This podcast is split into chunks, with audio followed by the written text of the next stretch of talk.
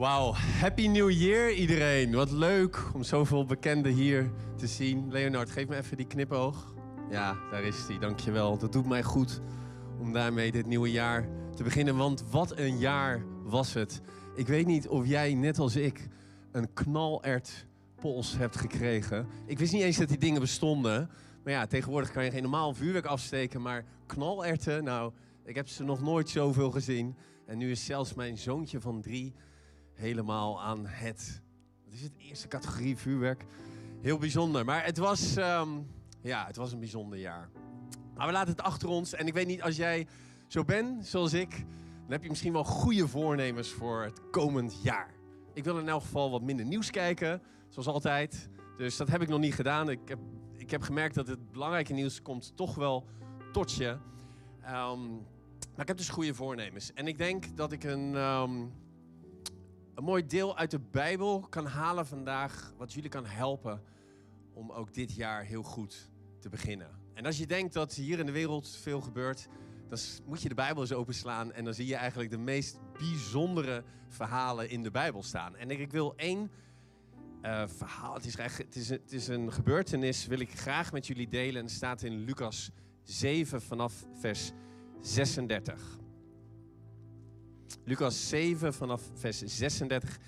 En ik lees uit de nieuwe Bijbelvertaling, de NBV. Dan lezen we als volgt, en als het goed is, ja, je kunt op het scherm meelezen. Een van de fariseeën nodigde hem, dat is Jezus, uit voor de maaltijd. En toen hij het huis van de fariseeër was binnengegaan, ging hij Jezus aan tafel aanliggen. Een vrouw die in de stad bekend stond als zondares, had gehoord dat hij bij de fariseeër thuis zou eten. En ze ging naar het huis met een albasten flesje met geurige olie. Ze ging achter Jezus staan, aan het voeteneinde van het aanlichtbed. Ze huilde. En Jezus' voeten werden nat door haar tranen. Ze droogde zijn voeten met haar haar, kuste ze en wreef ze in met de olie.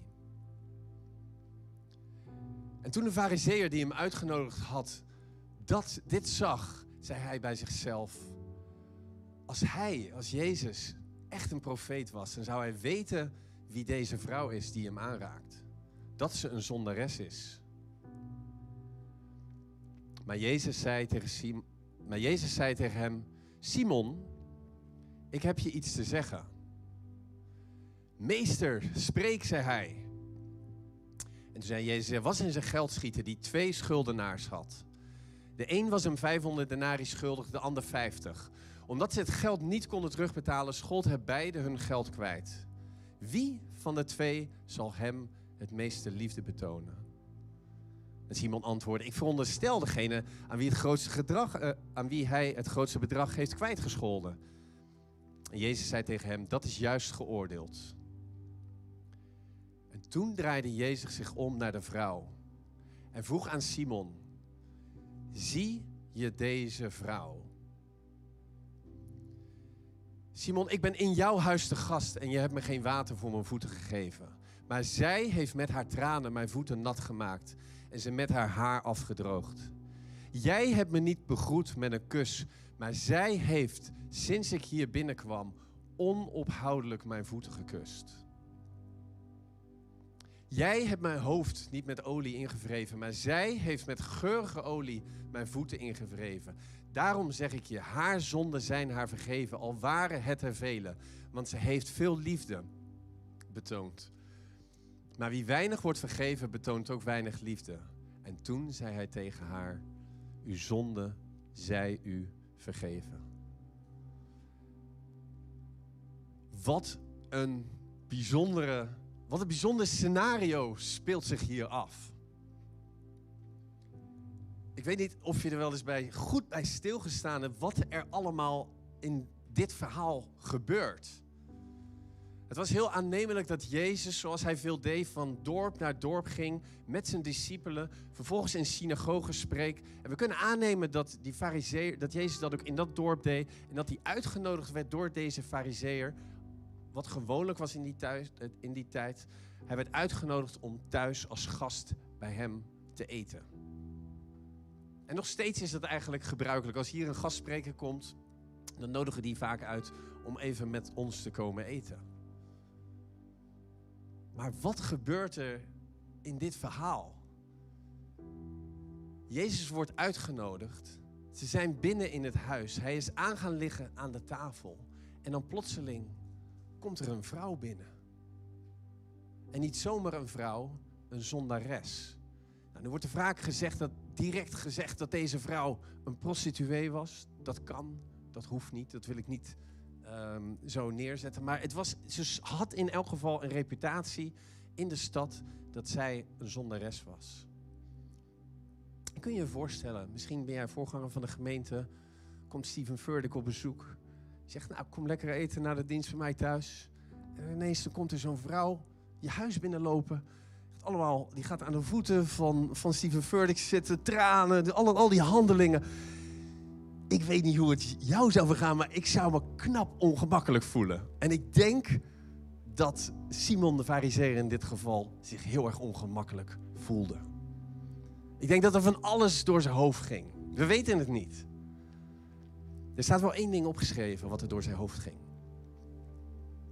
Als deze man, als Jezus, echt een profeet was, dan zou hij weten wie deze vrouw is die hem aanraakt. Dat zij een zondares is. Dat is wat hij dacht. Hij dacht eigenlijk twee dingen. Ik geloof niet dat Jezus een profeet is. En hij dacht, wat is die vrouw slecht?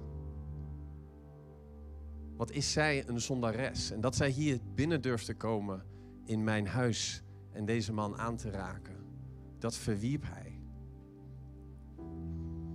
Weet je wat zo bijzonder is? Jezus wist natuurlijk wie die vrouw was.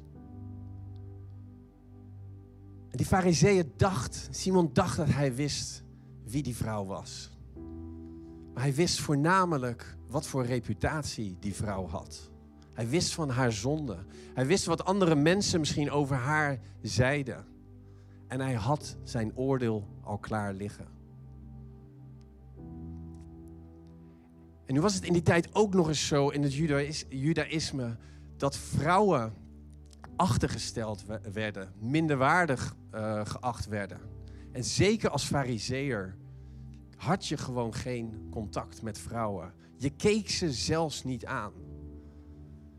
En ik vind het zo bijzonder dat Jezus naar de vrouw toedraaide en zei tegen Simon: Zie je deze vrouw, Simon? Kijk haar aan. Zie je deze vrouw, Simon? Dat is het eerste punt wat ik jullie dit jaar in deze preek mee wil geven.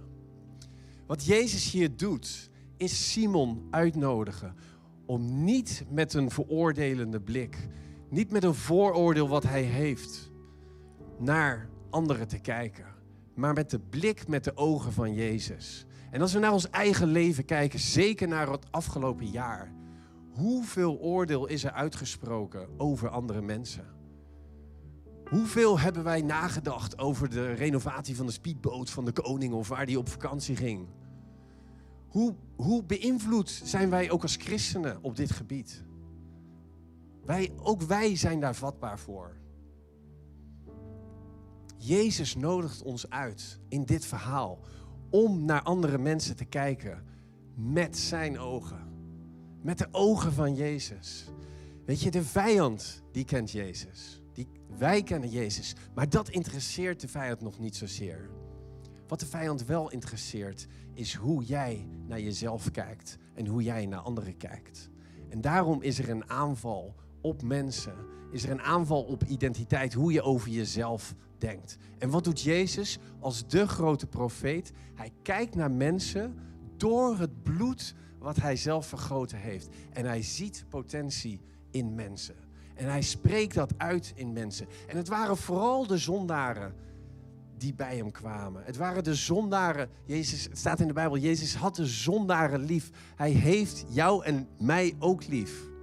Maar als hij ergens een hekel aan had in de Bijbel, dan was het wel religie. En dit is wat religie doet. Wat eigenlijk Simon de Fariseeën doet. Hij nodigt Jezus wel uit in zijn huis. Jezus zegt het ook, hè? Het woord, de zin nadat hij zegt van Simon, zie je deze vrouw? Dan zegt hij vervolgens, ik ben in jouw huis te gast. Besef je dat Simon Jezus uitgenodigd heeft in zijn huis, maar eigenlijk de deur van zijn hart op slot gelaten heeft? En als ik iets hieruit leer, dan is het dat wij dit jaar in mogen gaan. En dat we alle vooroordelen over andere mensen, over wat we mensen horen zeggen, over wat mensen zien doen. Misschien zijn we het niet overal mee eens, maar het is voor Jezus en voor God is het serieus. Hij zegt in de bergreden, de mate waarin jij oordeelt, met die maat zul jij geoordeeld worden. Auw, als ik daarover denk, dan denk ik, dat raakt mij best wel hard. De mate waarin jij oordeelt, zul jij uiteindelijk geoordeeld worden. Daar zul je verantwoording over moeten afleggen. En wij nemen eigenlijk als maatstaf, het lukt niet altijd, maar we proberen het volgende aan te houden. Dat hoe, jij, hoe wij over anderen spreken, zou op zo'n manier moeten zijn dat die persoon er altijd zomaar bij aan zou kunnen schuiven. Dus de manier waarop ik over de koning spreek, of over president. Of, ik hoef het niet altijd met ze eens te zijn, met beleid. Dat betekent niet dat we, dat we geen mening mogen hebben. Maar hoe we over iemand spreken, zou zo mogen zijn dat die persoon altijd aan mag schuiven. Hoe je over je voorgangers spreekt, over Daniel en Wendy. Zie je deze vrouw, Simon? Zie je deze koning? Zie je deze minister? Zie je jouw vrouw? Zie je jouw man? Zie je jouw kind? Voor, wat, voor hoe God die persoon ziet. Als jij begint uit te spreken, de dingen die, die God over mensen ziet, dan begin je de, de, de, de wereld van de vijand te verbreken. En dan begin je mensen te uit te, eh, begin eigenlijk begin je dan te profiteren en te spreken over mensen hoe God hun ziet, zodat ze vrij in die bestemming kunnen gaan wandelen. Dat is het eerste punt. Tweede is natuurlijk de andere persoon in het verhaal, is die vrouw. Die vrouw die was, die wist ongetwijfeld dat ze zon, zondig was. En toch liet het haar niet tegenhouden, niks liet haar tegenhouden om het huis binnen te dringen en aan de voeten van Jezus te gaan zitten. En niet alleen dat, ze, ze, ze kwam zo dicht bij Jezus. Ze, stortte haar hele hart, al haar emoties. Haar, ik, kan me niet anders voorstellen dan dat ze gewoon alles bij Jezus neerlegde. Ze liet met haar tranen, liet ze zijn voeten nat worden. Ze waste eigenlijk de voeten van Jezus met haar tranen. En vervolgens pakte ze haar haren waar ze zijn voeten mee droogde. En vervolgens, er staat, ze bleef onophoudelijk zijn voeten kussen. En vervolgens wreef ze, zalfde ze ook nog zijn voeten met olie. Wat ik uit dit stuk haal, het gedeelte van de vrouw. Je, bedoel, we kunnen hier heel veel dingen uithalen. Maar één ding wat ik je vandaag mee wil geven en voor dit jaar, is dat Jezus laat zichzelf, laat het toe dat jij veel dichter bij Hem gaat komen dan je voor, voor mogelijk houdt. Eigenlijk was het niet mogelijk voor die vrouw om het huis binnen te komen, maar ze deed het toch. En niet alleen dat. Ik kan me geen intiemer moment voorstellen met Jezus. In de hele Bijbel lees ik eigenlijk niet een, een nog intieme moment waar Jezus het zo lang volgt. Er staat gewoon, zij blijft onophoudelijk mijn voeten kussen. Lieve mensen, er ligt een uitnodiging voor jou en mij voor het komend jaar om dichter bij Jezus te komen, aan de voeten van Jezus. En het bijzondere is dat Jezus geen moment de vrouw verwerpt of stopt of tegenhoudt. En we weten, we weten alleen, hè, Jezus geeft een gelijkenis hierover, dat haar zonden vele waren. Maar het lijkt wel alsof hoe, hoe meer haar zonden waren, hoe groter haar zonde, hoe langer Jezus zei: Kom maar hier, kom maar bij mij. Ik wil iedereen vragen zijn ogen te sluiten. En ook mensen thuis om je ogen te sluiten. Want ik wil graag voor je bidden. Ik geloof dat we dit jaar in mogen gaan. En dat we een aantal oordelen die we hebben gehad het afgelopen jaar. En misschien worstel je er nog steeds mee. Misschien heb je gewoon last van een kritische geest. Dat je continu je oordeel klaar hebt staan over mensen. Misschien discrimineer je nog wel. En heb je zoiets, God, hier wil ik vanaf. Ik zie dit beeld zo van Simon de Fariseer. En ik weet, als ik daarnaar kijk, dan is dat ook iets waar ik mee worstel. En is mijn gebed vandaag dat je dit aan de voeten van Jezus legt. Dat we door Gods ogen, door de ogen van Jezus, naar mensen mogen kijken. Dank u wel, Jezus, dat u op dit moment de ketenen, de banden van kritiek, van discriminatie, van veroordeling, van vooroordelen over mensen, dat u die verbreekt. Dank u wel, Vader, dat we in vrijheid mogen gaan wandelen. Dat we rein en zuiver en puur mogen gaan denken over anderen. Dat we de intentie van anderen, van voorgangers, van leiders, van koningen, van premiers, van ministers niet in twijfel trekken. Maar God, wilt u met uw geest ons vullen? En wilt u onze gedachten zuiver maken?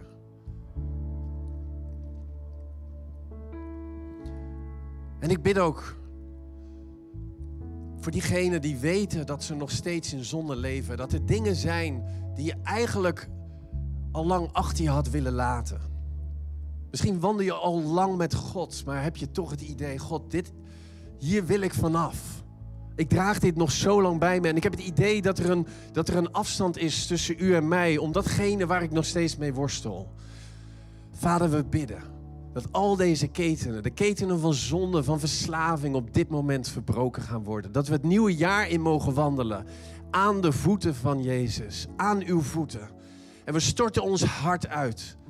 En we laten onze tranen vloeien over uw voeten. En we kussen uw voeten, Heer. Dank u wel dat u zo dichtbij bent. Dank u wel dat uw bloed gevloeid heeft.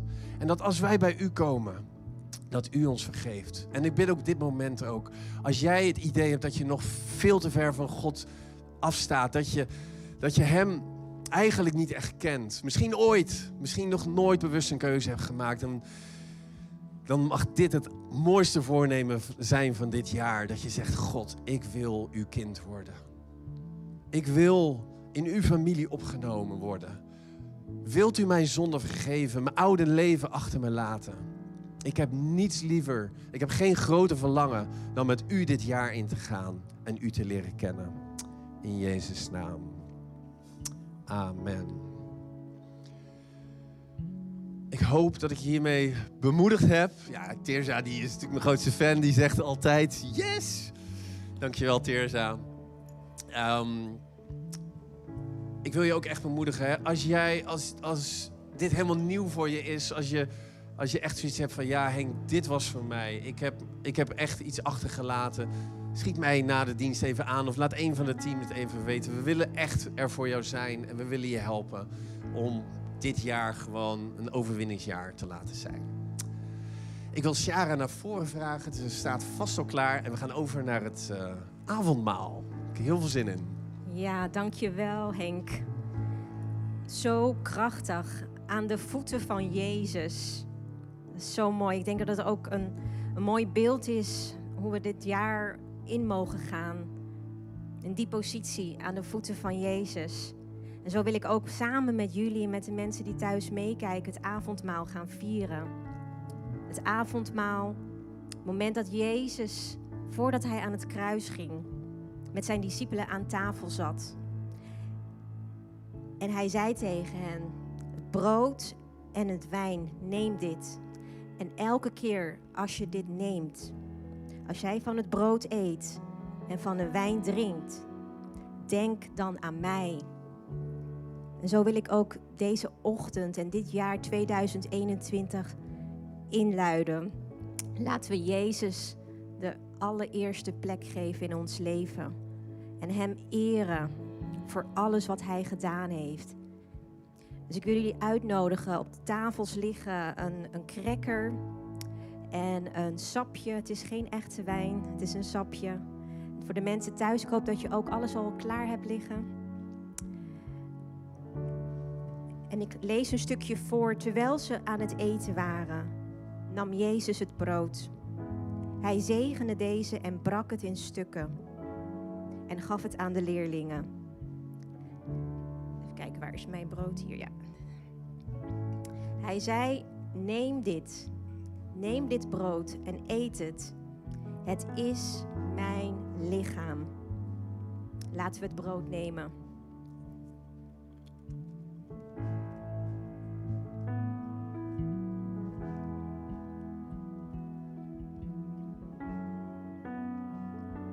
Het lichaam dat gebroken werd.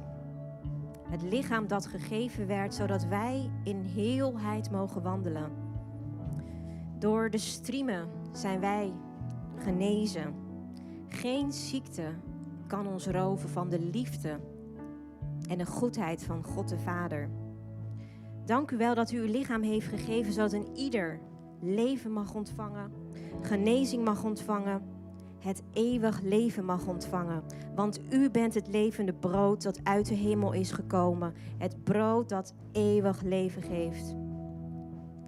En alles wat we hier hebben en mogen doen is tijdelijk. En we mogen uitkijken om in eeuwigheid met u te leven. Dank u wel, Heere Jezus, dat u uw lichaam heeft gegeven. En laten we nu overgaan tot het nemen van het uh, drankje, niet de wijn, maar het sapje. Drink hier allemaal van. De wijn staat symbool voor mijn bloed, waarmee God een nieuw verbond zou sluiten met de mensen. Laten we drinken.